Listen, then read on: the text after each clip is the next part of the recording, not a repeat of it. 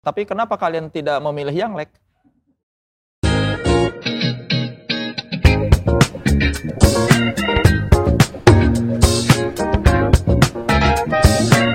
Tripod Show, sit and relax.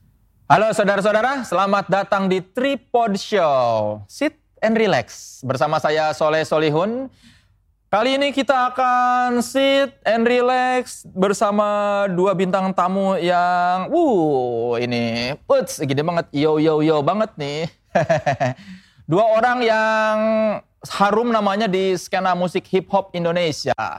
Sebelum saya panggil dua orang tamu kita kali ini, saya mau bacain dulu informasi dua orang ini di Wikipedia.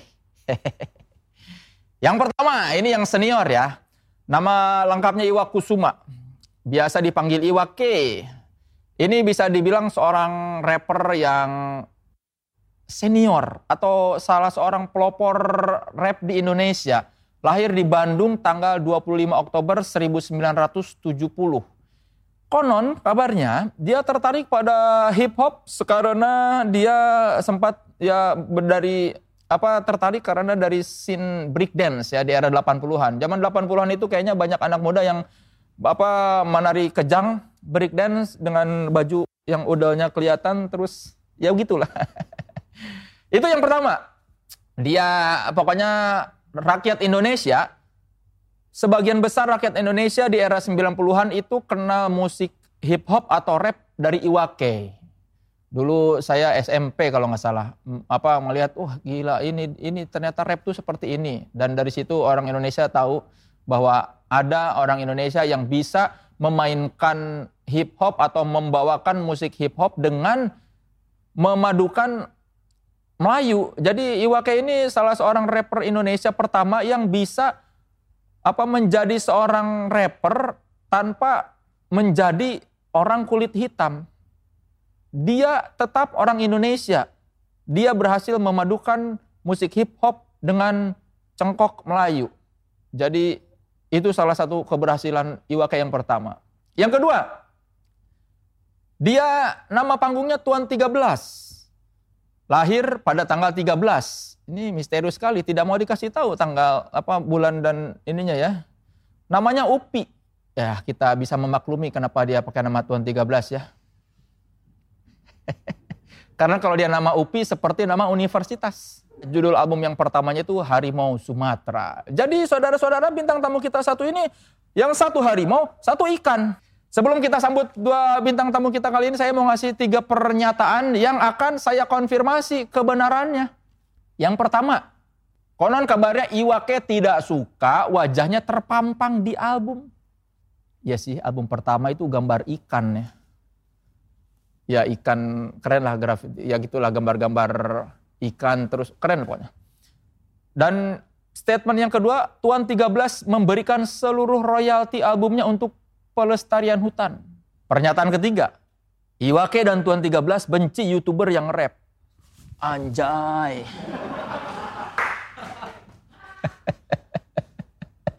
ya saya kan bereaksi atas pernyataan itu. Saya bilang anjay, A N J A Y.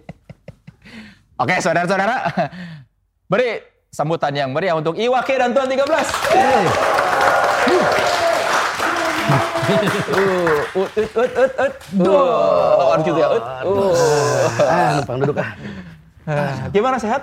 Ini kaki gue kenapa ngatung gini kalau gue senderannya? Itu permasalahan ortopedi. iya benar juga ya. Ya dari dulu emang tidak membantu ya. Nggak bantu. Tidak membantu. Tidak ada usaha buat menaikkan berat tinggi badan dari dulu.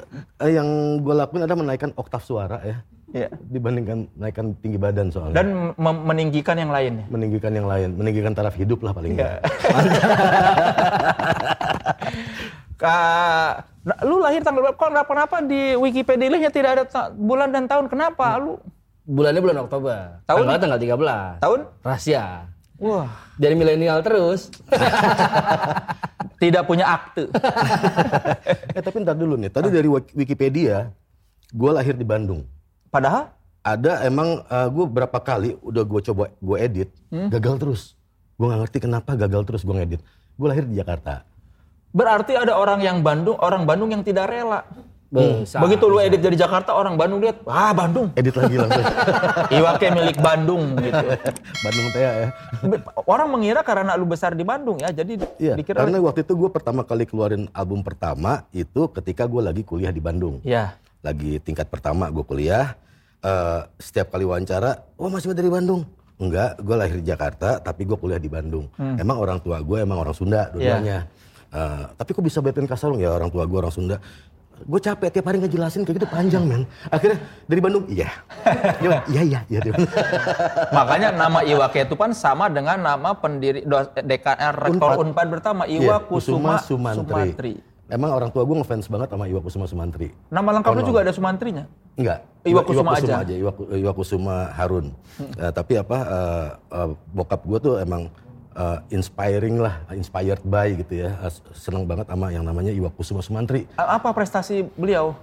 Eh, buat bokap tuh emang Iwa Kusuma Sumantri tuh emang satu tokoh pajajaran ya yang akhirnya bisa membawa em, eh, dengan kebanggaan pajajarannya tapi menjadi tonggak-tonggak menjadi apa salah satu tonggak dari Indonesia ini.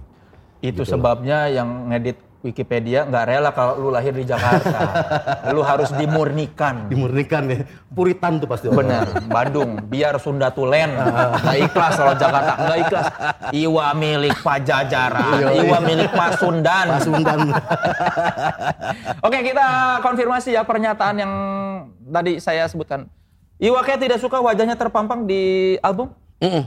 Ya. Ya, eh, gini nih lah. Gua bukan orang yang eh, melatih diri untuk tampil di depan orang banyak. Gue cuma orang yang senang break dance dan gue orang yang senang bikin lirik. eh buat eh, apa ya dulu ya? Gue akhirnya sampai ada kompromi dulu buat album pertama. Sampai akhirnya di dalam ada fotonya. Iya. Tadinya pengennya foto di depan. Label. Tetap, uh, uh, uh, di, uh, di depan uh, covernya. Iya. Cuman akhirnya karena kompromi, akhirnya ada di dalam. Ya whatever lah. Tadi gue pengen nggak mau ada semuanya. Bahkan gitu ya.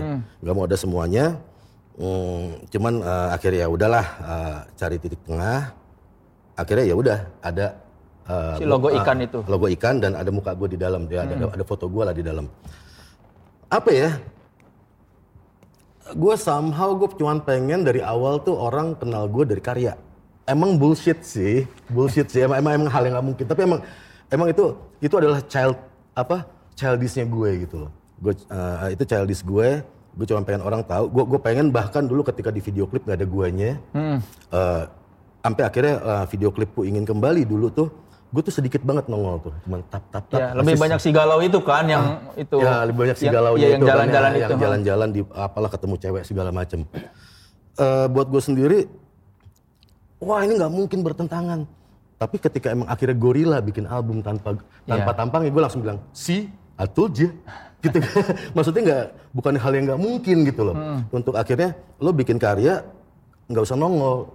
Eh, gue tuh dari dulu gue selalu menganda, eh, menga- apa, mengandaikan ya, eh, childish gue mengandaikan gue tuh cuma pekerja mer- mercusuar. Hmm. Gue ngasih tahu kapal yang lewat tanpa orang perlu tahu gue. Kalau begitu lu nggak boleh manggung dong. Tadinya bahkan gue pengen emang konsep manggung gue, gue bener-bener emang cuma dibikin shadow doang. Sebelum ada Gorillaz doang. ini ya. Sebelum ada Gorillaz. Gue tuh uh, kekeh di situ sampai akhirnya industri yang yang uh, di kita nggak nggak memungkinkan banget untuk seperti itu. Bahkan buat buat debut album pertama pun sebenarnya gue udah udah udah bisa dibilang sangat nggak mungkin penyanyi solo ya Rap. uh, uh, performer solo gitu ya whatever rap rock segala macam tapi kalau buat di album pertama harusnya mukanya lah yang emang harus hmm. di branding di awal. Di iya kan? expose ya, di expose. Ya. Uh, ya itu tadi akhirnya gua ke ke ke ke ke ke ke, ke sampai akhirnya uh, kompromi ya udah tapi ada di dalam ya ya udah yang penting jangan di luar tadi gue pengen gak ada semuanya malahan Karena kan orang butuh melihat siapa sih ini yang nyanyi gitu. Kalau Iya. awam kan mana orangnya gitu, pengen tahu. kalau gue pengen banget ditanya soalnya sama orang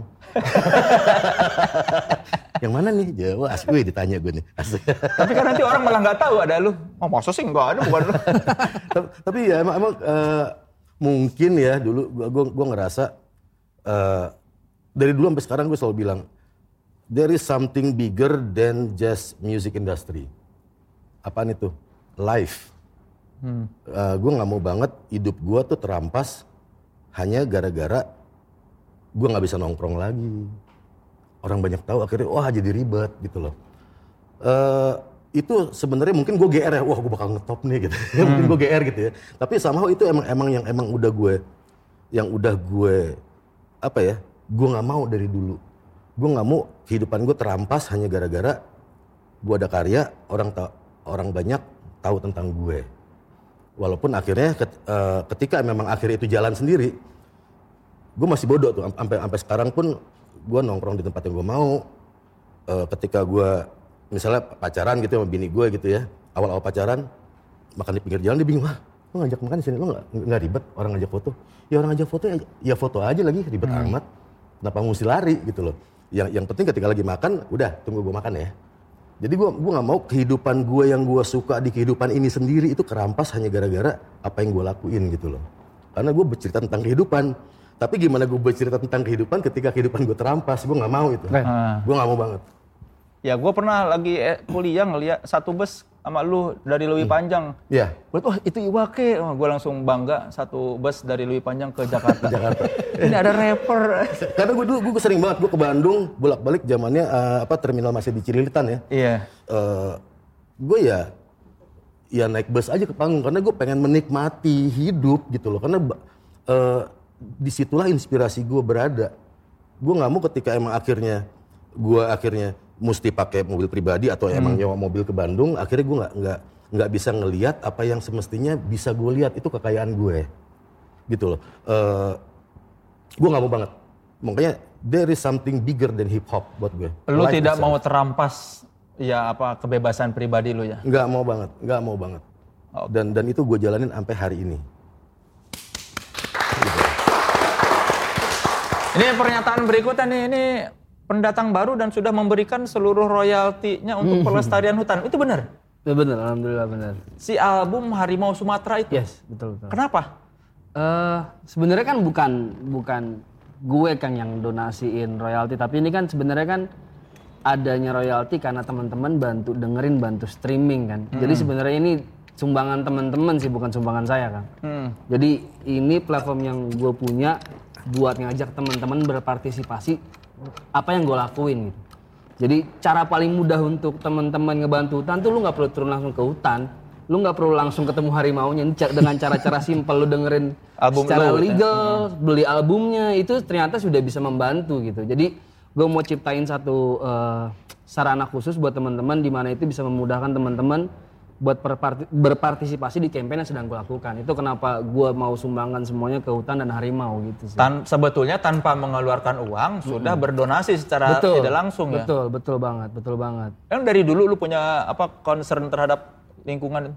Justru eh kalau lingkungannya sih eh, jelas dari dulu, tapi kalau secara spesifik harimau tuh kayak baru di 2018 2019 sih. Karena kan kalau di hip hop kan kita suka pakai eh, metafor, analogi pengandaian-pengandaian. Nah, Aku pakainya tuh harimau tuh karena harimau kan predator puncak tuh. Heeh. Jadi kayak gua harimau nih, siapa juga gua makan. Tapi makin sering ngomong tentang harimau sampai ke satu titik bahwa gua nggak tahu apa-apa tentang harimau ya, Kang. Oh. Belajar lah akhirnya, belajar lah ngobrol, eh, nonton, baca, ngobrol sama orang yang ngerti. gue pikir tadinya tuh harimau predator puncak. Ternyata memang Ternyata salah. Manusia. Manusia lah predator puncaknya. Di situ gue kayak ngerasa bersalah, terus ada kayak dapat panggilan kali ya. Kayak gue harus bikin sesuatu deh tentang ini deh. Gue harus, apalagi gue juga orang Sumatera. Indonesia punya tiga spesies harimau, Jawa, Bali sudah punah, tinggal harimau Sumatera. Gue rasa ini juga mungkin ini tugas gue untuk bantu ikut menyuarakan hal ini sih. Jadi gue tuangin lewat album gitu sih. kalau tidak hati-hati bisa punah juga ya. Kalau secara riset sih mungkin satu dekade ke depan harimau Sumatera nggak akan ada lagi mungkin. Tinggal sedikit berarti. Di bawah 400 ekor. Di bawah 400 ekor. Di seluruh Indonesia apa di Sumatera doang? Kan cuma ada di Sumatera doang. Oh dia nggak ada ditaruh di bin, apa kebun binatang mana? Kalau sudah di kebun binatang, sudah di penangkaran, sebenarnya kita sudah nggak bisa hitung itu sebagai individu bebas. Karena begitu dilepas pun dia belum tentu bisa bertahan hidup. Yang 400 tuh yang memang di alam liar di Sumatera. Tapi itu masih kira-kira ya, karena kan mereka nggak bisa disuruh baris buat absen ya. Jadi dilihat dari tapak kaki, jadi kotorannya dihitungin. Dikira-kira oh udah 400. Iya, bisa kira-kira jadi gitu. lebih sedikit. Bisa jadi lebih sedikit, bisa jadi lebih sedikit. Satunya ada di sini. kan lu bilang harimau Sumatera tuh sebetulnya gara-gara lu ada yang bilang Aku sering apa dibilang Upi si rapper manis. Siapa yang menganggap lu rapper manis? Bukan, maksudnya eh, karena Karena ya apa kalimat itu? Kang Iwa kan influence saya juga. Saya akhirnya belajar bahwa ternyata bikin lagu tuh nggak perlu tentang gagah-gagahan gitu. Oh, Akhirnya gue belajar bikin lagu tentang bagaimana cara ngajarin orang tentang value hidup gitu. Bagaimana bikin lagu tentang bersyukur.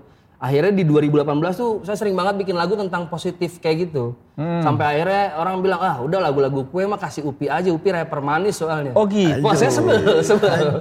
Di 2019 bikin album, eh, track pertama judulnya Move, ya udah. Saya kasih yang galak sekalian, saya malah punya taring, bukan rapper manis Iya, gitu. nyala- nyalakan tanda bahaya kalau gua rata. Karena ya biasanya hip hop tuh yang gagah yang gangsta gitu-gitu ya. Ko- kocak sih tentang hip hop tuh katanya eh, selalu bilang it's all about my big is bigger, eh, my dick is bigger than you. Selalu tentang itu. Eh, bahkan emang eh, ke sini sininya kan emang akhirnya dibilang hip hop itu tentang bercerita. It's a rhyme and poetry.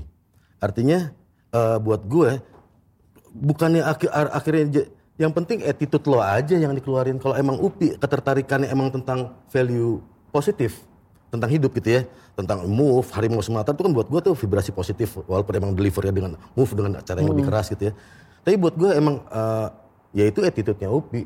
Yang yang yang buat gue yang yang kadang-kadang cuma bikin gue ketawa itu adalah orang rap bukan dengan attitude-nya dia. Eh yo man, I'm gangster, gue ditembak kaki gue dan buat gue, eh lo ditembak di rumah sakit, bukan di panggung gitu loh. Jadi come on man, be honest. Lo berceritalah. Lo berceritalah tentang hidup.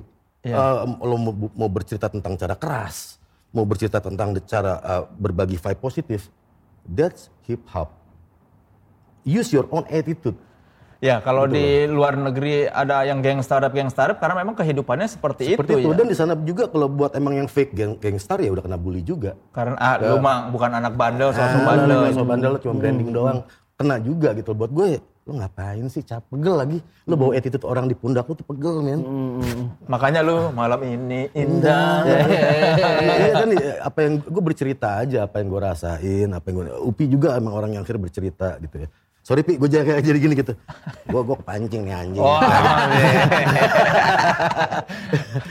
Oke, statement berikutnya. Iwake dan Tuan 13 benci YouTuber yang rap. Aduh, ini dari mana ini?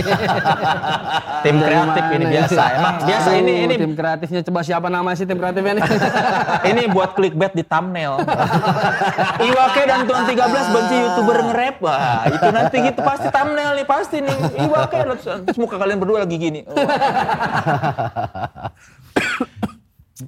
Kang Iwan Halo, jawab. Ayo. ya, dua-duanya harus jawab dong. Kalau eh, dibilang benci sih enggak sih. Justru kita kan makin seneng kalau misalnya eh, secara hip hop pelakunya makin banyak, justru kan ekosistemnya makin sehat gitu. Industrinya makin kebentuk. Justru kita seneng. Kalau aku sih seneng. Cuma yang bikin aneh kan adalah eh, begitu teman-teman ini yang maksudnya aku nggak nggak mengharuskan lu kalau nge-rap harus dari komunitas enggak, tapi kadang-kadang teman-teman ini pakai platform nge-rap untuk ngebuat sesuatu yang negatif. Sedangkan followernya banyak banget. Jadinya kayak terbentuk stigma hip hop tuh seperti itu loh. Nge-rap tuh kayak yang idola gue lakuin ini nih. Sedangkan masih banyak influence hip hop bagus lainnya gitu. Jadi aku rasa nggak adil aja kalau tiba-tiba ada misalnya eh, eh, role model atau influencer atau youtuber yang memang followersnya banyak terus tiba-tiba bikin lagu rap yang isinya nggak jelas ngata-ngatain orang lain terus followersnya bisa dengan mudah eh, mengimplementasikan bahwa oh nge-rap tuh kayak gini nih aku rasa nggak adil dan akhirnya itu kan memperberat kerja teman-teman kayak aku Kang Iwa dan pelaku hip hop yang lainnya untuk ngasih image bagus tentang hip hop di masyarakat. Jadi balikan nol lagi. Kita mesti mulai dari nol lagi ngasih tahu lagi. Jadi sebenarnya bukan benci sih tapi lebih kayak kalau memang mau pakai platform ini ada baiknya ya bela- belajar dulu cari tahu dulu gitu loh. Kenal dulu pelakunya siapa jangan main asal datang bilang gue yang nomor satu. Eh entar dulu. Yang lebih jago dari lu banyak gitu loh. Entar dulu nih gitu sih kan apa ya? Gue sih gini gue ngeliat untuk zaman sekarang oke gue akan akan kompromi dengan orang bilang ketika menyampaikan esensi harus dengan sensasi. Karena memang akhirnya gimana akhirnya esensi itu bisa nilai itu bisa ke- ketangkep ketika emang tanpa sensasi. Tapi yang terjadi ini adalah orang mengedepankan eh, sensasi tanpa esensi. Kita ngomong tentang hip hop. Eh, orang cuma meng- mengejar akhirnya rame-ramenya doang eh, cuman ngejar akhirnya bisa wah ada kontradiktif doang, tapi nggak ada nggak ada esensi yang disampaikan. Gue lebih seperti itu. Nggak semua youtuber seperti itu. Yes. Ah, ah, buat gue ada beberapa youtuber yang emang passionnya emang di hip hop, cuma kebetulan memulai sebagai youtuber ada, ya.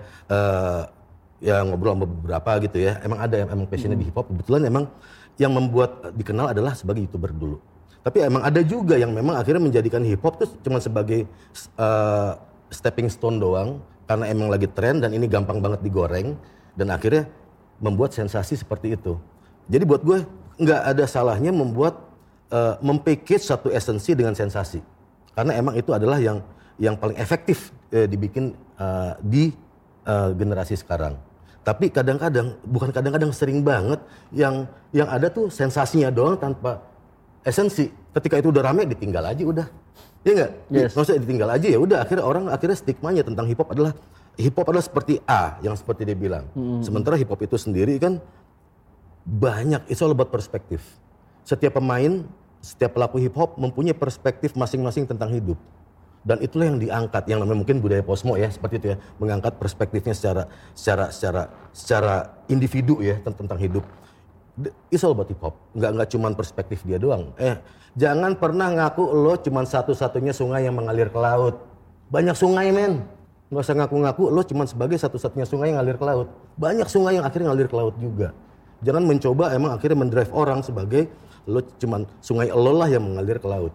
Ada juga yang jadi banjir meluap. Ada juga ada lo agak jauh dikit pakai drone nggak nggak nggak cuma nggak cuma sungai Ciliwung doang ada sungai Musi ada dan lain sebagainya yang akhirnya mengalir ke laut gitu loh Dan biasanya ya youtuber yang mendadak nge-rap itu jelek sih. dia lebih saklek anjing Tapi yang menarik juga justru fakta sekarang bahwa kalau zaman dulu tuh youtuber jadi rapper, sekarang rapper tiba-tiba banyak jadi youtuber, YouTuber, loh. iya, banyak juga, iya. banyak juga. Sekarang youtuber juga ngatain mereka tuh jangan jadi youtuber dong, rap aja dong, harus gitu tuh. Ya gue sih nggak masalah asal rapnya bagus. Enggak biasanya sih. Orang kan kalau eh, apa suka dari lama kan begitu bikin karya kelihatan ya hasilnya bagus. Kalau orang baru suka biasanya emang enggak sih. ya tapi Gue sih sebagai orang di luar hip hop Iya. ya tidak masalah asal bagus. asal bagus. ya benar Cuma ini enggak. ya gue ketika emang emang ketika emang ada satu eh, hip hop gitu ya gue ngejuri gitu ya gue selalu ngejuri gue bilang gue nggak pernah tahu teknik hip hop gue nggak pernah tahu nama-nama apa pun teknik dalam hip hop gue nggak tahu karena gue pelaku. Gue cuman emang petani yang gue nggak tahu apa itu kandungan jagung apa itu kandungan beras dan lain sebagainya tapi gue yang gue lakukan hanya mencangkul dan membiarkan pohon itu tumbuh tanpa gue tahu tahu ingredientnya apa. Itu urusannya ilmuwan hip hop gue bukan ilmuwan hip hop makanya ketika emang gue ngejuri yang yang gue lihat adalah passionnya. Dan ketika emang itu gue selalu ngomong sama sama, eh, sama teman-teman yang ikut itu eh misalnya gue sama Upi nih eh, jadi juri dan eh, lo bukan dari hip hop yang jadi juri gue bilang lo bikin impress orang yang di luar hip hop kalau gue misalnya sama Upi gimana juga gue akan cinta hip hop jadi gimana caranya orang yang di luar hip hop itu bisa bisa su bisa anjrit hip hop itu gini ya, rap itu gini anjrit ya. Lebih, lebih ketarik gitu loh. Eh, jadi buat apa akhirnya kita cuma nunjukin skill tapi di kalangan sendiri, tapi kita di sini eh, da- da- da- dari kita sendiri pengennya hip hop itu getting bigger and bigger. Jadi emang juri yang bukan dari hip hop lah yang lo mesti bikin bisa amaze. Kalau kalau kita ya udah tiap hari denger itu dan kita sayang sama itu gitu loh. Kalau kalian momen apa yang bikin kalian merasa makin yakin oke gue pengen menjadi apa seorang rapper? Sampai hari ini gue nggak yakin loh ya.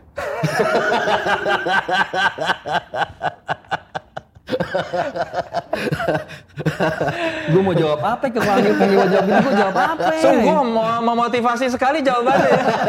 Enggak, tapi gini maksud gue, gue tuh baru ngeh ya. Eh, Oke, gue mau mulai, eh, gue mulai bisa mungkin bisa dapat duit dikit-dikit gitu ya dari rap itu eh, mulai tahun 89 gitu ya. Ketika mulai manggung-manggung, akhirnya keluar album di tahun 92, baru akhirnya. Tapi gue baru ngeh ini akhirnya bisa jadi, wah ini kerjaan gue ya. Gara-gara ini gue di DO ya. Ya udah bla bla misalnya kayak gitu. Itu mungkin baru tahun 98 99. Hmm, dari 92 itu. Ah, ah, dari 92 itu.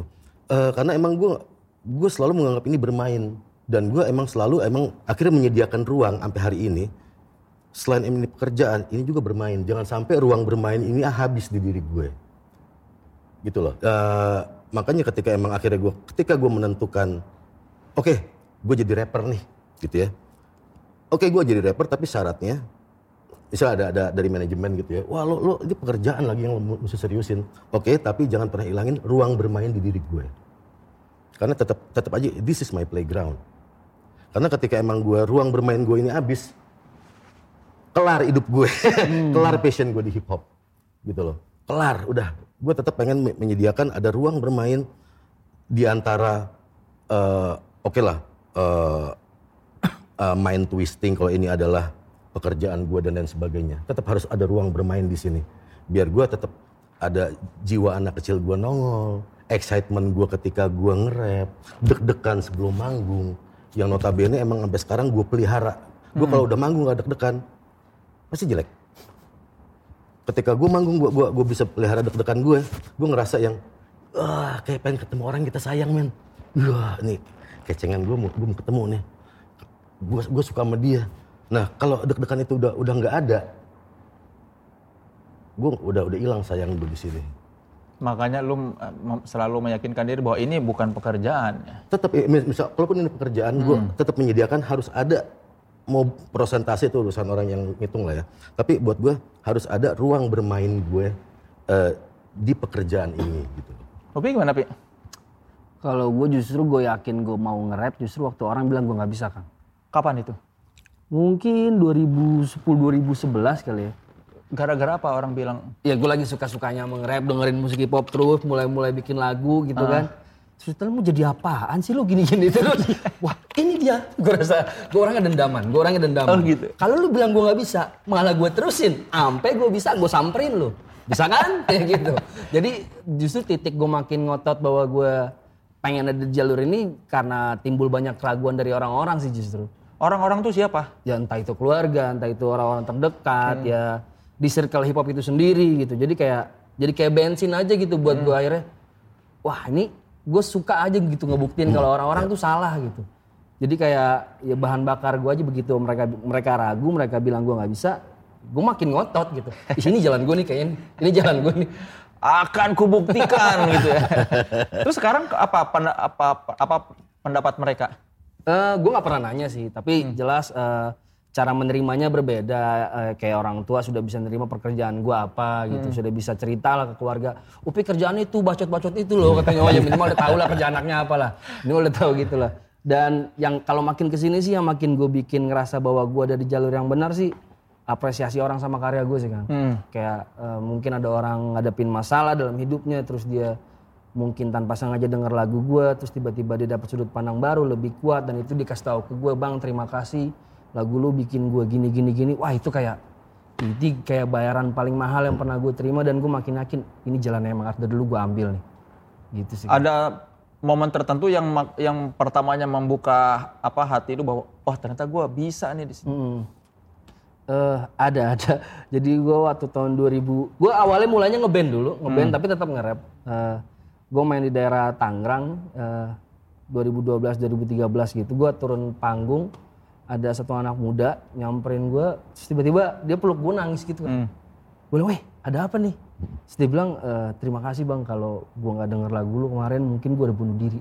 Wah, gue di situ langsung kayak gue lemes, kang semua bulu gue kayak merinding. Gue yang bilang, gue yang makasih men lu lu bikin gue makin yakin bahwa apa yang gue jalanin tuh bener itu tau itu kayak titik balik gue gue punya tekad apa pun yang ada di depan nanti pokoknya gue mau ada di sini aja mau gue berhasil kayak mau enggak kayak mau besok nggak ada duit gue mau tetap nge-rap aja pokoknya gara-gara itu gue jadi kayak ngerasa gue punya eh, punya apa ya berguna lah buat orang lain Lagu apa itu? Eh, judulnya Touch the Sky namanya Hmm. Intinya tentang jangan ber- menyerah gitu. Ya intinya waktu itu gue kayak lagi di satu titik paling rendah dalam hidup gue. Gue curahin satu lewat lagu, tapi gue selipin selipin positivity juga di situ dan eh, mungkin beberapa orang yang denger bisa relate dan mereka bisa aplikasiin. Akhirnya mereka punya kesempatan ketemu, mereka sampein ke itu ke gue, gue kayak wah itu gue nggak bakal bisa lupa sih momennya.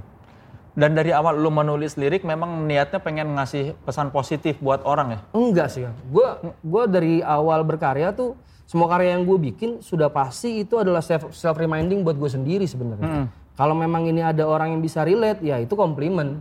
Tapi yang pasti kalau memang itu lagu kritik, itu lagu kritik buat diri gue sendiri. Kalau ini tentang positivity ini untuk ngingetin gue kembali bahwa masih ada titik terang dalam hidup gue. Kalau gue nulis lagu tentang bersyukur sebenarnya itu buat ngingetin gue lagi, pilu harus bersyukur. Tapi kalau memang orang ada yang bisa relate, ya alhamdulillah. Tapi semua karya yang gue bikin pasti tujuannya aimnya buat diri gue pribadi awalnya. Jadi buat ya ngomong ke diri sendiri sebetulnya. Ngomong ya? diri, diri, diri sendiri awalnya. Lu menurut lu karya Upi gimana? Gue setuju banget ya, karena karena gini loh. eh, buat buat yang yang Upi itu bercerita, bercerita tentang apa yang dia lihat, tanpa ada tendensi untuk ngajarin.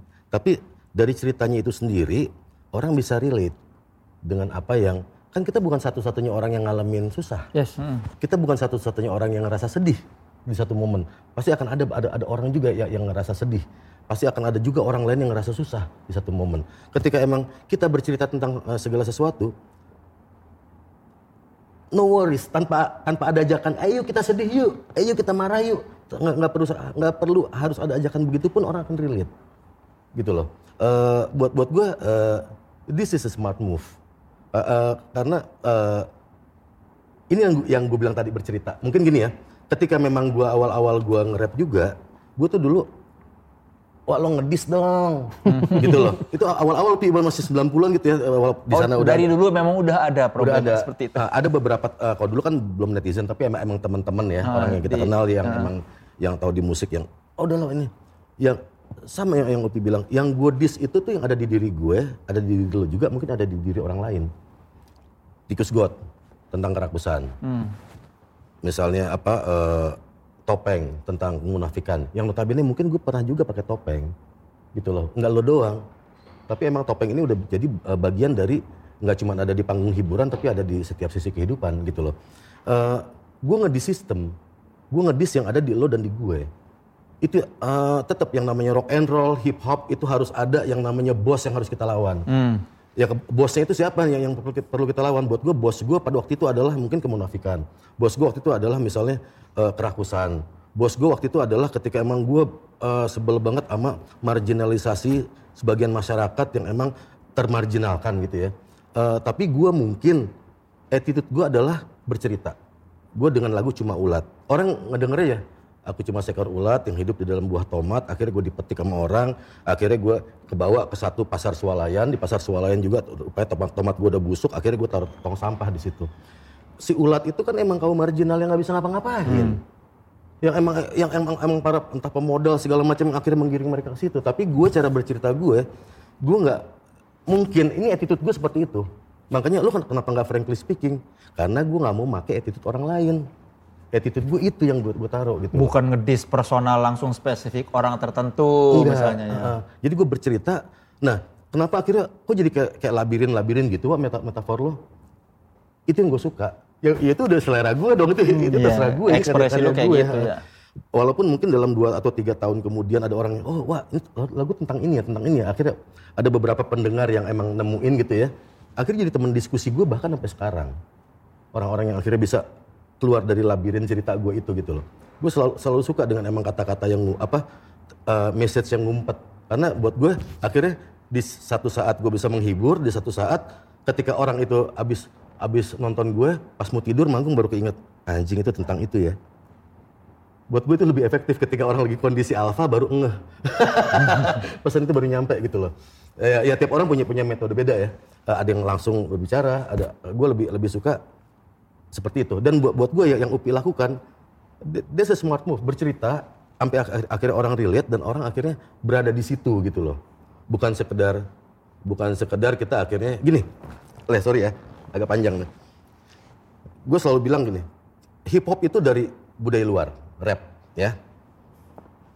Oke lah kita kita andaikan dengan bibit jeruk California yang kita pengen tanam di Indonesia ketika kita tanam di tanah Indonesia, dia akan berinteraksi dengan organik-organik yang ada tanah sama, sama tanah di, di negeri ini. Dia nggak higienis, perspektif, musiknya, deliver liriknya.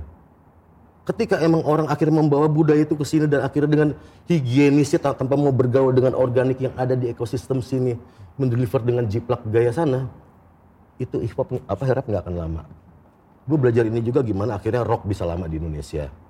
Ketika itu gimana akhirnya dangdut bisa bisa lama bisa bisa bisa bisa ber, berevolusi di sini? Jazz bisa berevolusi di sini gitu loh. Gue juga eh, di situ wah ini rap. Waktu gue bikin album pertama makanya gue ketika eh, teman-teman dari Guess bilang wah lo bikin bahasa Indonesia? Udah bikin album hip hop gue minta workshop. Karena gue tentang musik dan lain sebagainya. Karena gue pengen belajar juga dari kakak-kakak gitu ya genre-genre kakak yang udah duluan ber, berevolusi di Indonesia. Gue ngeliat gimana akhirnya dangdut berevolusi jazz berevolusi di sini rock berevolusi di sini. Satu hal adalah mereka bergaul akhirnya berinteraksi dengan organik-organik tanah di negeri ini. Nggak menjadi budaya yang higienis dari sana kita bawa "Dek, kita bikin hidroponik gitu ya tanpa bergaul dengan tanah sini. Nggak nggak gitu. Itu nggak akan lama umurnya gitu loh A- ada ada ada ada satu pemikiran seperti itu dari gue waktu itu Ya ada interpretasi lokalnya ya dari pengaruh luar tuh. perlu perlu ada eh, buat gue untuk membuat akhirnya ini bisa jadi relate sama pendengar sini gitu loh Oke menarik sekali tapi kita bakal ngobrol-ngobrol lagi. Saya mau ngasih games dulu nih buat Tuan 13 dan Iwake. gimana sih gimana nih Gamesnya Pilpres, pilihan under pressure.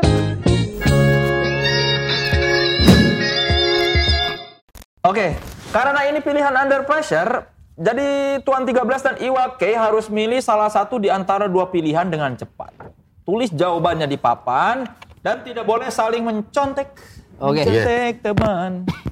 Oke ya, saya nanti bakal Google nggak boleh ya Hah? googling nggak boleh Nggak boleh, oke nggak boleh. Ini tidak perlu googling. Ini namanya i- apa intuisi. oke Oke, saya nanti bakal menyebutkan masing-masing dua pilihan dan kalian harus langsung nulis ya Oke. yang ditulis AB-nya atau pilih kalimatnya kalimatnya. kalimatnya oke Oke, siap ya. Yang pertama, Yako atau Ramen Girl? Resep pertanyaannya. bangsatnya memecah belah Ya, salahkan tim kreatif. Biasa, biar seru. oke Jay-Z atau Eminem? Harusnya pilihan gampang sih kalau ini sih. Yang nomor satu nggak enak tuh. Udah, Pi? Dah. Rich Brian atau Young Lex? ini brengsek nih yang terakhir nih pilihannya nih. Kenapa harus milih di antara dua itu? ini jawaban gue pasti akan dipelencengin ke mana-mana nih Makanya pilih jawaban yang hati-hati. Oke ya, sudah, Upi. Siap. Oke, yang pertama ya kita lihat ya. Oke. kita balikin atau gimana Ya, ya, yang pertama Yako atau Ramen Girl, Upi milih siapa? Yako. Iwa? Yako Wah, luar biasa. Kenapa? Upi dulu, Upi dulu. Kenapa? Kenapa? Eh karena kalau buat gue Yako itu all around sih. Hmm. Maksudnya kalau Ramen Girl dia punya satu warna khusus memang eh, dia memang kayak sekarang banget aja. Tapi Iya. kalau Yako mau boom bap ke, mau dubstep ke, mau drum and bass ke, mau sekarang ke, dia bisa semuanya. Jadi menurut gue Yako tuh kayak belum ada opsi saingannya sih kalau buat gue sih. Iya, lebih apa lengkap paketnya. Lengkap, ya. Palu gada dia. Iwa kenapa, Pak? idem Ya, Jangan gampang- idem dong. Ah, buat apa gua nanya lu jawabnya idem? Enggak tapi emang apa? gue suka ramen. Ya, eh, eh, ada ada satu ya yang buat gue Yaku tuh jadi unik. Yaku tuh selalu ada manifest dalam lirik-liriknya, gitu loh. Eh, tentang tentang apa? Equality eh, eh, wanita dan pria. Eh, maksud gue ke passionnya di situ tuh buat gue akan jadi nilai jadi nilai lebihnya gue ketika lo tanya Yaku apa ramen. Dia dia sangat konsisten berjalan di situ gitu loh. Buat gue itu adalah eh, poin plus eh, dari seseorang untuk menjalankan konsistensi Oke. Tapi Sama Ram- performnya kan. performnya. Iya. Nggak ada capeknya. Nggak ada capeknya. Anjir nggak ada capeknya ya Kebanyakan gula dia tuh. Iya. Sugar Sugar rush, sugar dia. rush Dia tiap minggu sugar rush dia. itu namanya metabolisme bagus. Oh iya bisa. bisa. Stamina bagus. Mungkin kalau kalian melihat dia ini berarti kalian kurang bagus staminanya dia. Sampai melihat dia salah, cover. salah, Kita salah. salah ngomong gitu. Salah ngomong itu salah. Kita emang emang aliran kita main di ekspresi aja kan. Oke, yang kedua Jay-Z atau Eminem. Coba Upi Saya kasih lihat ke kamera coba. Jay-Z. Wah, beda nih jawabannya nih. Iwa apa Iya, Iwa? kalau- kalau gue agak beda sini. Gue tau dia bakal jawab Jay-Z, gue bilang Eminem. Eh, eh, kenapa kenapa? Ah. Upi kenapa? Kalau justru gue dengerinnya Eminem banget nih. Heeh. Eh, tapi balik lagi Eminem ya Eminem dia otentik gitu aja dia Eminem gitu. Dia punya storytelling yang kuat, dia punya warna yang sangat kuat. Tapi eh, Jay-Z itu songwritingnya luar biasa sih.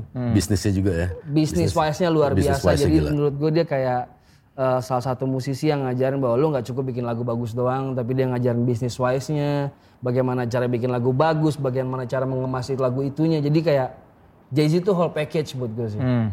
Jadi gue harus pilih Jay-Z di sini. Padahal lu pendengar Eminem. Eminem. Eminem. Secara musik lu lebih suka Eminem. Cara musik gue lebih suka Eminem. Tapi kalau dua orang itu di compare ya harus Jay-Z. Iya, karena dia sukses membangun kerajaan bisnis. Yes. Iwa? Hmm. Gue Eminem mungkin uh, ada sedikit subjektivitas di lain objektivitasnya ya. Heeh. Subjektivitasnya adalah dia yang nemuin Dr. Dre, yang mana gue sangat sangat sangat admire banget sama Dre. Uh, Dre itu buat gue adalah satu produser musik yang bisa bisa mengcombine segala macam style yang ada di Amerika bahkan ketika waktu ada East Coast dan West Coast.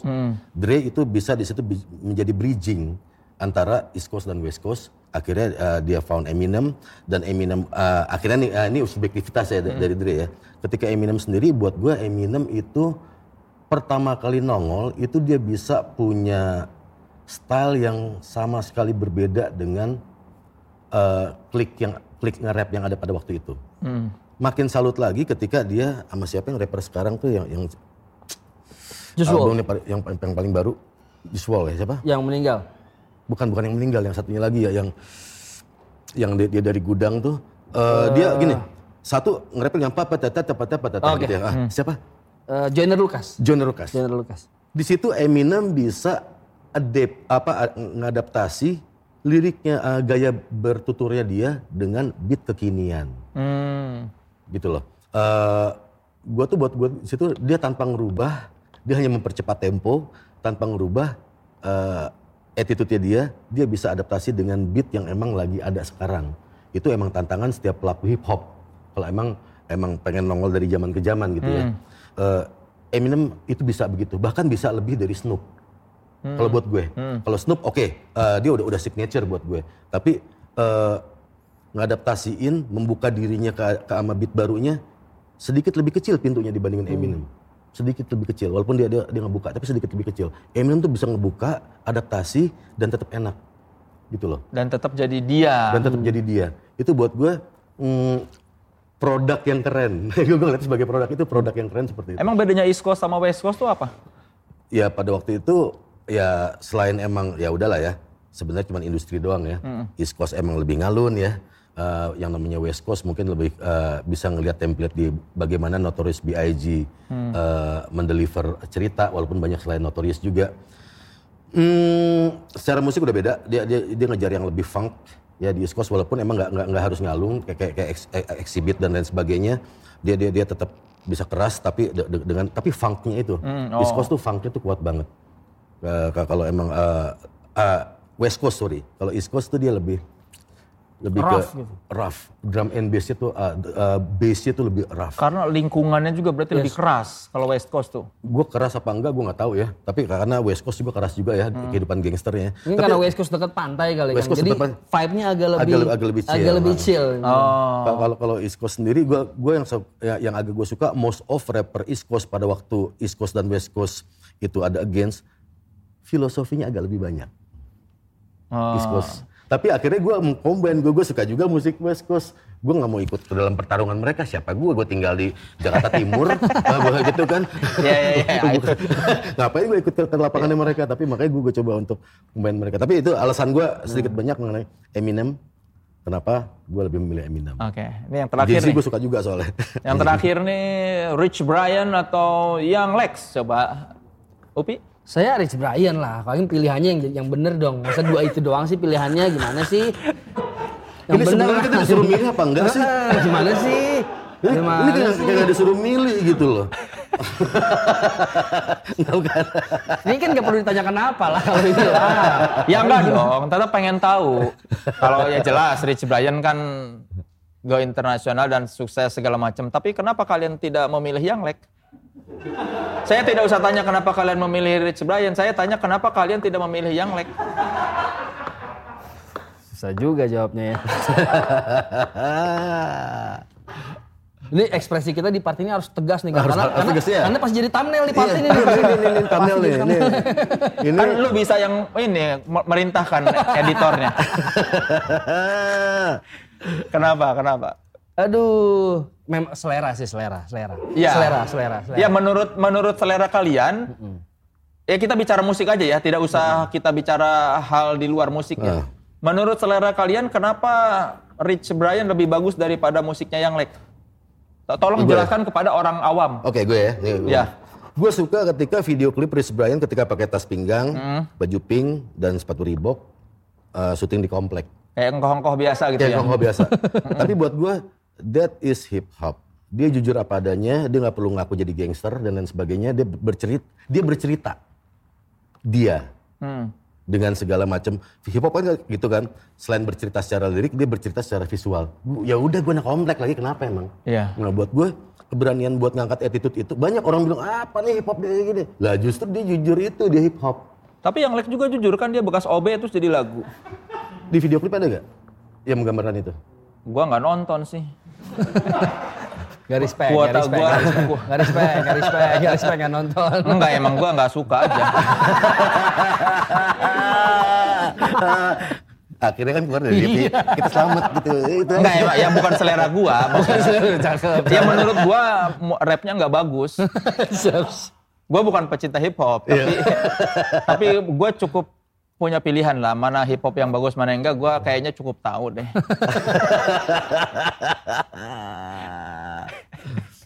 Upi gimana Pi? Eh, ya satu selera sih, kedua eh, kedua menurut saya dia terlalu mengglorifikan apa yang sudah dia capai sih kayak banyak statement-statement blunder yang harusnya nggak perlu sampai akhirnya mungkin bikin saya bukan mungkin secara personal gue nggak ada masalah kan cuma kayak kadang-kadang kayak Salah marah. Enggak enggak benar-benar kalau secara personal nggak ada masalah tapi kalau suka banyak statement-statement yang blunder kayak misalnya dia suka bilang fuck hip hop gua pengusaha. Ya kalau nge-rap nge-rap aja emang nggak boleh emang nge-rap aja jadi pengusaha gitu. Nggak perlu ada statement-statement yang kayak gitu. Jadi kayak dia suka mengglorifikasi apa yang sudah dia capai gitu. Jadi kayak Oh. biasa aja gitu biasa aja Padahal bilang aja "Ah, saya hip hop dan saya pengusaha. iya gitu Ya, itu tadi yang dibilang emang eh, terlalu asik dengan sensasi tapi lupa esensi. keren Oh, luar biasa. 2020 Kang Iwa Luar biasa, luar biasa, luar biasa. Tapi lagunya bagus nggak menurut kalian? eh, gue udah bilang loh, gue udah, gue udah, gue udah ngasih opini gue. Lo mau nanya gue? Iya kan gue nanya lu dari tadi juga, Wak. Gue gak denger. Masalahnya gue bisa menilai. Menurut lu lagunya yang pernah bagus nggak? Mau didengerin nggak? Gue gak, gua gak pernah denger. Coba, coba dengerin, dengerin. Mana HP, HP, HP, Lo coba. jangan ngerubah mood gue hari ini. gue udah seneng gitu, gue mau gue hari ini, gue dengan, ayo senang, senang, senang, ayo. Ya Allah bikin gue senang hari ini. Tiba-tiba lo ngerubah mood gue hari ini gitu kan. Tapi ini ya, gua nggak nggak tahu ya. Gua kan di luar skena hip hop. Kalau di skena hip hop sendiri, posisi yang Lek itu se- seperti apa sih? Beri kami penjelasan, pencerahan. ya misalnya ruangan inilah skena hip hop dia di pintu luar mungkin bukan yang nggak diterima tapi emang nggak mau nongkrong aja gitu. Oh, gitu. Masalah tingkah kalau nongkrong bareng dianya gitu. Kita masih kasih aja. Kayaknya selalu ada satu orang di setiap komunitas yang seperti itu ya. Iya, Mm-mm, di tiap, bisa, di tiap warung tongkrongan ada aja. Iya. Ya, yang yang seperti itu. Tapi kalau kalau kalau gue gue sendiri ya udah lah ya. Ya maksud gue ya kita asik. Kita cukup hidup fokus sama sesuatu yang, yang bikin kita asik aja lah. Yang bikin gak asik ya udahlah. Cukup ada aja tapi nggak mempengaruhi hidup gue. Siap.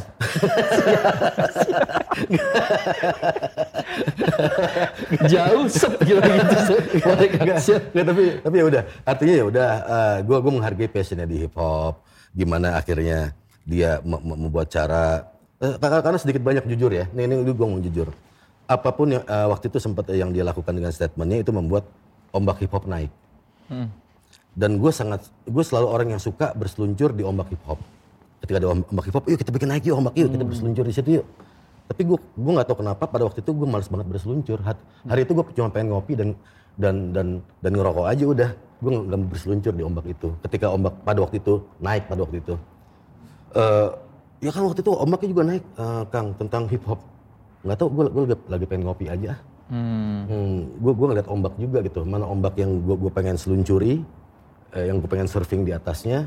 Mana ombak yang gue rasa gue cukup ngeliatin aja dan gue ngopi aja.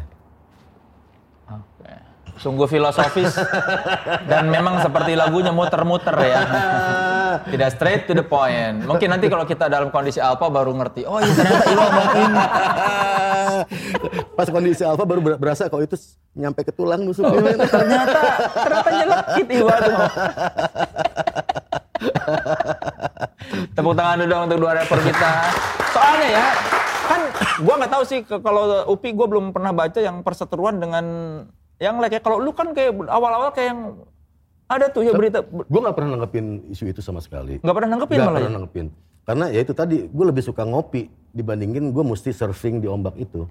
Ya, pada ya. waktu itu. Karena lu tidak menganggap itu penting. Sa- sama sekali. Bahkan ketika memang waktu ya udahlah waktu itu sampai ke mana-mana segala macem, gue sama sekali nggak ada statement gue satupun untuk untuk nanggepin itu. Karena buat gue mungkin buat server juga lebih ngerti gitu ya mana ombak yang enak buat lo surfing di atasnya, mana yang- walaupun ada ombaknya yang nggak enak buat lo, lo surfing di atasnya. gue juga nggak nggak mau akhirnya. Ya itu tadi ketika satu esensi ah, sensasi itu keluar gue selalu gue cari sen- esensinya apa nih? Kalau emang nggak nemu-nemu? Gue nggak mau- nggak mau berseluncur di situ Terus Pi, kan ya Rich Brian berbakat tapi kan dia juga tidak akan sesukses sekarang kalau tidak ada modal besar di belakangnya ya. Siapa yang modalin? Labelnya kan. Wah, elit global kayaknya nih. Bill Gates yang modelinnya Menurut gitu nggak? Kan lu pernah bilang katanya apa Rich Brian itu ya mungkin juga karena produk investasi yang besar itu. Eh kalau misalnya kita mau analisa ya, selain memang dia waktu itu keluarnya eh, Death Stick itu benar-benar catchy dengan video klip yang sangat nyebelin nyangkutnya, Iya. dengan backpacknya yang orang akhirnya semua pakai, dengan namanya yang sangat kontroversi, Iya. eh, menurut gue itu saja gue rasa nggak cukup untuk akhirnya bawa rapper-rapper sekelas eh, rapper-rapper Amerika akhirnya bikin duduk didudukin bareng di satu studio terus nontonin videonya dia dengan kasih reaksi. Gue rasa ada budget produksi yang besar di sana gitu kan. Jadi gue rasa selain faktor laki memang ada cost produksi yang sudah sangat siap untuk bawa dia ke arah sana sih. Iya ya. Tidak senatural itu gitu maksudnya. Eh, laki bastard memang tapi modalnya ada gitu sih. Ya ya ya. Semua orang butuh modal ya. Dan evolve-nya sekarang gawat banget sih. Mungkin kalau zaman dulu dia nge-rap ya ya mungkin zaman dulu nge-rapnya dead stick dia udah kayak patternnya ketemu gitu. Tapi kalau sekarang kayak kita nggak bisa nebak Rich Brian tuh nge-rapnya seperti apa. Tiba-tiba sekarang dia nyanyi. Nyanyi. Terus tiba-tiba sekarang eh, mukanya makin matang kalau gue liat makin ke sini makin matang dia matahin semua semua persepsi yang orang-orang bilang kalau dia itu eh, cuma beruntung dan segala macam akhirnya dia berkembang beneran sekarang. ada yang sama sama, sama Upi gitu loh ketika emang eh, dikritik misal Upi nggak bisa nge-rap segala macam Upi ngebuktiin. Begitu juga ketika emang Dead Stick keluar banyak omongan tentang dia gue lihat di album yang sekarang anjir orang musikalitasnya makin tinggi ya. Musikalitasnya tinggi banget men. Da- da- dari eh, musikalitas penyampaian audio semua segala macam nggak ada di cuma skena hip hop yang mainstream dia keluar dari situ Yes. gitu loh. Da- dari, dari dari visualnya juga. Buat gue emang ini eh, kayak jawaban gitu loh. Eh, nih gue begini lagi gue sekarang udah di sini dan gue mentahin semua pertanyaan lo tentang gue gitu loh jadi nggak bukan yang emang akhirnya dikritik misalnya gitu ya sama yang sebelumnya gitu ya yang lo tanyain ya keluarnya gitu lagi gitu lagi gitu lagi nggak nggak nggak ada Siapa tuh Kang? Hah? Siapa? makanya makanya gue gue suka sama orang yang mem- memahkotakan yang naruh gue pakai mahkota mahkota gue namanya passion bukan bukan skill karena ketika emang udah pakai mahkota skill lo ngerasa pinter lo malas malas belajar lagi. Ketika lo, lo udah udah mengglorify uh, achievement lo ya udah ini gue di sini. Tapi ketika passion lo taruh mahkota lo passion lo nggak akan pernah berhenti belajar. Karena lu bermotivasi lu berbuat itu passion. passion itunya gitu. Apa uh, bahan bakarnya passion. Eh, jadi buat gue ya itu tadi terlepas dari kritik segala macam Rich Brian buat gue di album yang sekarang dia ngejawab ya. Bahwa dia bukan so- bukan hanya sekedar beruntung ya. beruntung tapi emang eh, oke. Banyak juga lagi yang modalnya gede amunisinya banyak nggak seberuntung dia. Betul. nggak perlu gue sebutin di luar hip hop juga gitu ya. Udah, udah ke sana kemari segala macam tapi ya udah di situ aja gitu loh. Eh, banyak eh, banyak pemain-pemain seperti itu. Tapi buat gue nggak cukup amunisi nggak cukup emang laki bastard segala macam tapi passionnya dia bener di situ nggak sih gitu loh Dan satu hal yang penting dia buka jalan buat teman-teman Indonesia lainnya untuk Iya. gue internasional. sih. Bahwa skena hip hop di Indonesia tuh bagus Ada. ternyata gitu ya. Ini kita ke flashback sebentar kan tadi lu ngomongin soal masa down atau apa. Ketika lu berurusan dengan aparat apakah itu momen oh terberat dalam hidup lu? Eh, waktu itu gue cuma satu nge-twist, des satu hal, gue nggak boleh marah apa si- sama siapa yang jadi cepu gue. Hmm. Udah, gue malas ketika gue masuk, gue masih dalam kondisi marah. Gue gimana eh, saatnya waktu itu gue maafin orang itu, itu itu aja, dan it works. Tapi lu tahu cepunya. Tahu, tahu dan ya ya udah, hidup lo hidup lo hidup gue hidup gue, gitu. Gue nggak akan masuk hidup lo, dan lo jangan coba-coba masuk hidup gue lagi. Lu nggak marah tapi udah tutup pintu. Udah, udah tutup pintu gitu. Tapi lo jangan coba untuk buka-buka pintu gue lagi. Kelar hidup lo. Udah. jadi, jadi maksud gue apa? eh, tapi gue eh, dibilang titik terendah, somehow ini ada ti- titik tertinggi gue juga. Karena Harta karunnya banyak yang gue dapatin leh. apa itu? Banyak anjing, banyak banget. Hmm, gue ngerasa di situ ya oke lah ya orang bilang wah gue jadi gue diingetin apa segala macam gue nggak mau ngomong masalah itu itu yang otomatis iya ya gue juga nggak mau eh, mungkin gue juga emang udah udah nggak lincah kali ya? Eh ikut gue deh. Iya deh udah nggak lincah gitu loh. Udah umur juga gitu kan. Eh, lu mungkin mesti ya. Eh, somehow gue banyak banget mungkin ini klise hal-hal yang bisa akhirnya gue template value ketika kejadian itu sampai detik ini tuh gue ngerasain hidup gue makin keren banget makin enak banget. Makanya gue nggak pernah mau mencaci maki fase gue ketika gue di situ waktu itu. Gue nggak pernah mau mencaci maki. Bahkan waktu itu eh, salah satu eh, eh, aparatnya bilang gue wah kang jangan jadi benci sama kita kang ya. Oh enggak, enggak. itu ibadah lo.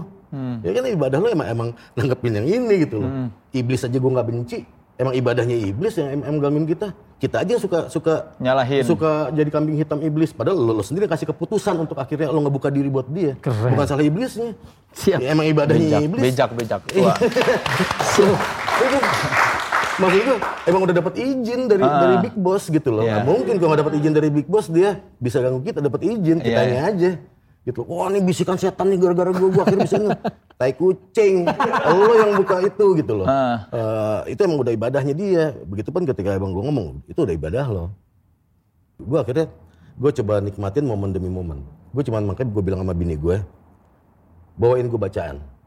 Udah, buku-buku bacaan udah. Karena gue emang eh, buat gue di situ yang yang penting adalah gue gimana selain emang gue coba untuk bikin hari-hari gue senang gitu ya. Gue coba cari emang hart. Gue percaya setiap momen tuh ada harta karunnya.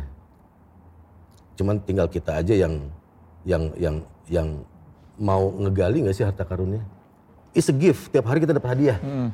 Kayak lo ti- eh, naik kelas gitu juga lulus-lulusan dapat hadiah motor dari orang tua lo. Tapi lo, lo bisa celaka atau lo, lo akhirnya motor itu bisa jadi fun buat lo kan dari kitanya. Tiap hari itu juga buat gue akhirnya gue buat twist itu sebagai gift gue. Nah gue gimana akhirnya gift gue ini hadiah gue pada waktu itu gue ketangkep dan gue gue ngejalanin konsekuensinya itu menjadi menjadi hadiah yang bermanfaat sampai gue ini mungkin ngomong ngomong bullshit ya tapi emang gue ngerasain manfaatnya gede banget sampai hari ini. Apa paling besar manfaatnya? Hmm, gue jadi menghargai hal-hal yang kecil, hal-hal yang dulu nggak pernah gue hargain, hal-hal kecil. Lo tiap hari ngeliat tembok yang sama, lo tiap hari ngeliat muka yang sama. Tapi ketika emang lo coba untuk eh, ngelihat lebih detail, enggak lagi tiap hari itu nggak pernah selalu sama, selalu ada detail-detail yang berbeda. Itu yang membuat akhirnya gue nggak bosen. Itu yang akhirnya membuat gue setiap hari gue nulis ju- jurnal ya. Hmm. Setiap hari gue nulis jurnal. Gue gua, gua nyebukin itu nulis jurnal, gue olahraga, nulis jurnal lagi. Coba kok gue di luar. nggak mungkin gue gitu. Gue selama enam bulan, gue hatam sembilan kali gue. Tapi gue gue gue sampai bilang, gue nggak nyari pahala, gue ngehibur diri semuanya. Bodo amat mau mau dapat apa enggak. Lu lebih ikhlas jadinya melakukannya ya. Jadi akhirnya jadi ke template sekarang. Apa pun yang gue lakuin, gue cuma pengen bikin seneng orang gue dan sekitar gue doang. Gue gue nggak ada urusan. Itu urusannya dia. Mau ngasih gue reward segala macam urusannya dia. Gue nggak ada urusan. Nggak ada urusan sama sekali buat gue. Dan itu buat gue ngerasa gue ngejalanin lebih tenang. Lebih nggak nggak expect reward dan segala macam. Udah, by the time emang buat lo itu bikin tenang, itu cukup. Yang lainnya, wah jadi kayak transaksional lo sama big boss. Wah gue begini harusnya dapat pahala begini, begini. Itu capek men. Itu capek. Buat gue sekarang cukup buat bikin gue tenang. Bini gue seneng, anak gue seneng, keluarga gue seneng, teman-teman deket gue seneng. Itu cukup. Amin. Udah, yang lain urusan dia. Nah kalau gitu setelah lu ya di apa bermasalah karena ganja, lu pandangan lu terhadap orang-orang yang ada gerakan legalisasi ganja untuk medis I- apa? ini pandang- kocak nih Le. Ketika gue keluar, ada satu psikolog gue nanya. Jadi Mas Iwa, udah tahu kan mudaratnya ganja? Gue sampai sekarang nggak nemuin mudaratnya kok. Loh, berarti mau pakai lagi dong? Entar dulu. Gue kan bilang gak ada mudaratnya. Tapi kalau emang gue pakai lagi, yang alhamdulillah gue sampai detik ini enggak. Tapi di sisi lain, kalau kalau buat manfaat, ya elah jaraknya nggak jauh lo ngeklik googling dari handphone lo kok. Banyak eh, situs atau emang artikel-artikel resmi yang mengatakan betapa itu banyak manfaatnya. Bahkan ketika gue nga- nganterin bokap gue berobat ke saraf salah satu profesornya kepala kepala dokternya bilang ini harusnya angka, generasi kamu yang memperjuangkan. Loh apaan prof Ya, untuk umur bokap yang udah di atas yang udah di atas 80, itu lebih, lebih baik pengobatan itu based on herbal. ganja. Oh ganja. Karena memang yang sekarang emang obat saraf bokap gue itu menimbulkan komplikasi dengan dengan yang lain. Akhirnya komplikasinya itu disembuhin lagi. Ada komplikasi-komplikasinya yang akan disembuhin itu. Jadi Obat buat obat, buat obat, buat obat gitu. uh, akhirnya jadi, jadi banyak. Itu almarhum Prof itu, gue inget banget omongannya, hah, oh ya dok, oh ya Prof, iya dia ngejelasin betapa emang kalau buat orang-orang orang apa medical gitu ya, kalau buat urusan medical itu sangat banget bermanfaat. Buat gue, kok gue makanya gue sekarang mak- makin nating tulus ketika gue ngomong kayak gini, nggak ada masalah men, lo nggak bisa nembak gue lagi men, gitu loh. Gue nggak make, gue clean, gue kencingin muka lo nih, ayo, ayo periksa urin, periksa urin, urin, gitu kan. tes urin. Ayo periksa urin, tes urin gitu. Gue gue gue udah gak ada masalah. Tapi lu mendukung gerakan bahwa ya kalau ada legalisasi ganja medis itu Gua, bagus. ah, kok gue jadi lebih panjang lagi nih. Gue gue lebih eh, yang namanya usaha tuh one day, one step at a time. Kita nggak bisa teriak-teriak legalisasi tanpa akhirnya menurunkan sekarang ganja itu adalah kategori drugs pertama Iya. dari dari empat kategori. How come di atas sabu dan lain sebagainya? Ya, ya kalau emang pengen ke arah situ mendingan step by step turunin dulu itu. Hmm. turunin dulu itu, habis itu baru buat uh, medication, habis medication whatever, habis itu uh, rekreasional baru mungkin ke arah sana. Kalau emang kita kita terlalu teriak uh, tanpa mengurangi rasa hormat buat teman-teman di LGN gitu ya, tapi memang uh, udah mesti sistematis satu satu satu satu pergerakannya. Iya, jadi jangan dianggap berbahaya dulu kasarnya. Intinya Biar orang berbahaya. terbiasa dulu Nah, gitu. Jadi emang, emang pelan-pelan. Tapi emang ini sosialisasi yang gak gampang dan it's been a long hard road karena emang tiga sekitar tiga atau empat minggu sebelum kita syuting ini sekarang itu eh, rekomend dari WHO untuk medikasi pun udah ditolak sama pemerintah kita. Yes. Oh, WHO memberikan rekomendasi Untuk untuk riset, sorry bukan medikasi, untuk riset aja ditolak. riset dulu aja ya Riset ganja aja, eh, medis Itu gitu. udah ditolak. Tapi emang nggak nggak salah sebenarnya kayak emang apa eh, makanya dibilang tiba-tiba WHO kok jadi jagoan sekarang. Wah mau priat dunia karena pandemi enggak. PBB WHO badan apa pun yang ada di dalam situ cuma bisa rekomendasi based on buku-buku segala macam. Mereka nggak bisa memasukkan itu menjadi satu regulasi satu pemerintahan gitu loh. Eh, begitupun ketika emang masalah ganja ini mereka cuma rekomendasi adalah seperti ini. Ditolak ya udah karena emang eh, negara itu punya kedaulatan untuk menolak. Ya wajar. Gue pun nggak nyalahin pemerintah dia punya hitungan masing-masing. Iya. Mungkin ada yang punya lapak ya di situ gitu gue nggak tahu ya whatever gitu ya gue gue mau mau lepas dari situ tapi intinya eh, ya itu tadi ya empat minggu yang lalu ya ya kalau nggak salah ya itu rekomen untuk eh, riset belum medifik Baru riset belum- aja ya? belum medikasi baru riset pun udah ditolak Kalau menurut lu gimana, Pi? Kalau menurut gua kita kan selalu diberitahukan tentang penyalahgunaan. Hmm. Yang nggak fair aja kalau pembenar gunaannya nggak pernah dicari tahu gitu. Dan ya kalau based on apa yang gua tahu, kita ngadopsi dari konvensi PBB tahun 1961 gitu ya. U35 2009 kita. 2000 2009 kita ya. Itu jadi kita cuma mengadopsi tanpa pernah meneliti sama sekali. Jadi gue rasa nggak nggak fair kalau kita uh, menjudge sesuatu tanpa tahu yang kita omongin tuh apa gitu. Yang nggak fair aja gitu. Kalau gue ngejudge Kang Iwa jahat gitu. Padahal kalau gue belum kenal gimana caranya gitu. Kalau tiba-tiba dia bermanfaat dan bisa kasih manfaat buat orang banyak, orang yang membutuhkan ya kenapa enggak sih kalau gue. Kenapa kita mesti tutup mata sama sesuatu yang kita bahkan belum ngerti. Memang lebih mudah membenci dibanding coba memahami kan. Wah, luar biasa. jadi bukan say no to drugs say no tahu to drugs Hmm. Kita tahu dulu dong. Artinya tahu bukan nyobain segala macam ya. Iya. Kita tahu produknya apa, brosurnya seperti apa, semua segala macam, riset dulu semuanya, baru akhirnya baru lo boleh ngomong no atau yes setelah itu. Yes.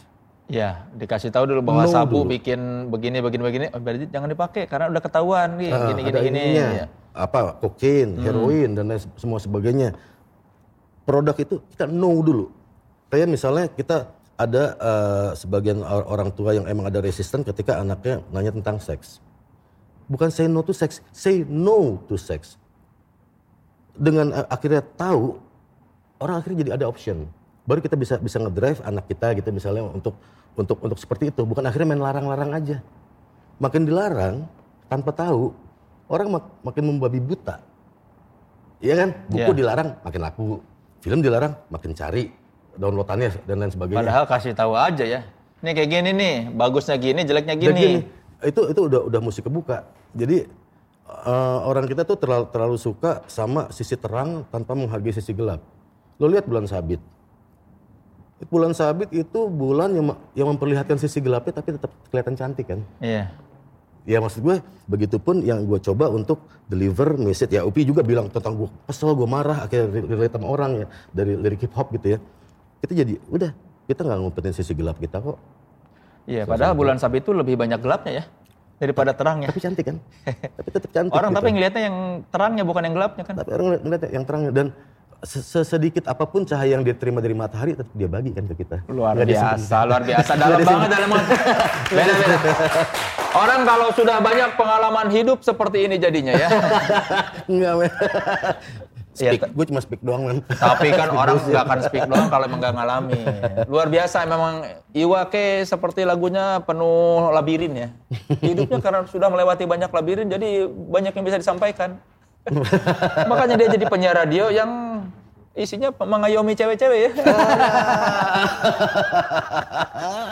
Oke saudara-saudara beri tepuk tangan dulu untuk Tuan 13 dan Iwake. Berhubung kita kedua kedatangan rapper, jadi saya eh, ini tolong dikembalin lagi katanya Oh. Ah, siap. panitianya pengen banget Nggak- megang itu lagi sama bunga kan balikinnya. Nggak tahu mau dipakai apa, padahal ditaruh aja dulu biasa. Berhubung dua bintang tamu kita ini Anjing adalah terbalik rapper, ya. saya pengen apa ya? Mengajak mereka berdua, bukan mengajak sih, saya ingin apa melihat mereka berdua jamming ya. Biasanya kan kalau yang jamming itu band-band, Ben. pada ada ada alat musik yang ngejam. Saya belum pernah lihat nih apa kalau rapper ngejam gitu ya. Rapper jamming tuh ya. Ada ya rapper ngejam? Banyak sih. Banyak ya, saya- tapi kan saya belum pernah melihat. Nah, mungkin para penonton tripod show juga belum pernah melihat bagaimana rapper jamming. Cuma kan tadi kita terlalu banyak disuguhin sama apa dis-dis negatif ya di YouTube tuh ya. Orang tuh terlalu seneng ngelihat rapper ini ngedis ini terus dibalik dibalas lagi disnya semakin mereka mengeluarkan cacian semakin seneng ya. Cuma kan karena ada Tuan 13 yang menyebarkan apa aura positivisme, saya ingin mereka berdua ngejam tapi saling memberikan kata-kata positif. Oke. Iwa ngomentarin Tuan 13 tapi positif, Tuan 13 juga mengomentari Iwa, membalas Iwa dengan positif juga. Jadi saling memuji. ya. Intinya saling memuji ya. Ini kalau di hip hop namanya bahasa basi respect nih kan. Eh, bahasa- Oh bahasa bahasa respect. ya. Anjing bangsat ya. Padahal ya kayak di segala macam pujian-pujian itu bahasa basi. Tapi tulus dong. Tulus. Tulus. Ya. Ya. salah kalau nggak tulus. Cuma ini karena ada yang namanya games harus ada yang kita lihat siapa yang menang, siapa yang kalah. Saya pengen mereka ini nge-rap dengan satu tarikan nafas seperti akad nikah. Wah, Uh. Saya terima nikahnya. strese banget. Yang satu tarikan nafas paling banyak itu dia yang kita anggap oke. Temanya ini bebas yang ini ya. Temanya bebas. Eh, ini pakai pakai musik. Pakai beat, beat. Kalau pakai beat, beatnya belum kelar, kenapa sudah habis tuh? Ya, iya dong. Jaki. Kan, Ya, saya tidak mengerti teknis, Iya. coba kita lihat aja. Apa sekuatnya napas, nggak usah pakai musik pakai mendingan. musik, iya. Kalian lebih nyaman gimana? Karena kalau sekuatnya nafas, Gue sih lebih nyaman ke Bali sekarang. Wah, Enak. cakep liburan. sih, cakep sih, cakep sih. Wah, wah, gua nanya apa? Wah, Cakep sih. Iwa, Iwa. Ya, lu lanjut. Fokus, wah fokus, wah fokus. Oke, fokus.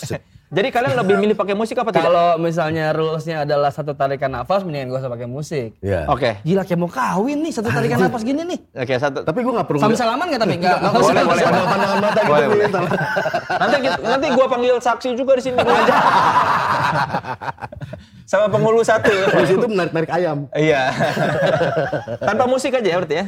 Kayak kayaknya sih kalau satu tarikan nafas mendingan gak pakai musik. Oke, tanpa musik ya. Eh, Aduh, nih siapa yang mau mulai duluan? Mau dikasih tema apa gimana? Apa lu mau ngomong Positivity aja. penting ya. positivity? Oke, siap, Tapi saling memuji ya. siap. Yo, siap. Lihat siapa yang mau mulai duluan? Upi atau Iwa? Kak Soleh sih cakep kalau mulai duluan. Iya. Sebagai, Wah, oh, kapan kapan opening gua sebagai opening, sebagai Opening dulu dong, Opening dulu, represent opening. dulu, represent. Opening segmen, opening segmen. Represent biasanya kalau di- Sekalian closing aja ya kalau gitu ya. Jadi sekalian closing. Oke, saudara-saudara terima kasih sudah menyaksikan Tripod Show bersama saya Soleh Solihun dan Tuan 13 serta Iwa. Oke, beri tepuk tangan dulu untuk kita semua. Jangan lupa saksikan terus Tripod Show di channel YouTube ini. Jangan lupa like dan subscribe terus di share dan jangan lupa saudara-saudara tetap sit and relax dan mari kita saksikan Tuan 13 dan Iwa K. Rap jamming, rap jamming, rap jamming, yo rap jamming Iwa K, Iwa K, Iwa K. Tuan 13 silakan. gue belum ketemu kata-katanya. Satu tarikan, oke, dulu. Ini mau satu tarikan nafas nih ya? Iya. Siap. Yo, shout out buat Kang Iwake. Terima kasih untuk semua legacy. Gara-gara dia gue jadi makin pede untuk kejar mimpi sebagai MC. Rapper lain mungkin banyak, tapi dia yang paling oke. Kang, mulai sekarang apa pun yang lu bilang, gue pasti obey. Nafas anak muda. Sekarang kita lihat nafas orang tua. Terima kasih.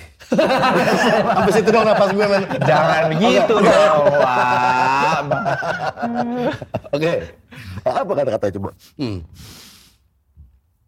Assalamualaikum, salam penyuh cinta. Di sini Tuan 13 juga Iwaka bersama Soleh Solihun berbagi cinta. Jadi kita jangan ke mana-mana. Tuan 13 di sini tak berbalas. Hanya kita harimau Sumatera yang tak mengenal belas kasihan dari Iwake dan juga Tuan 13. Kita bareng-bareng Angkat Tuan gelas. tiga gelas. Oh, sabi.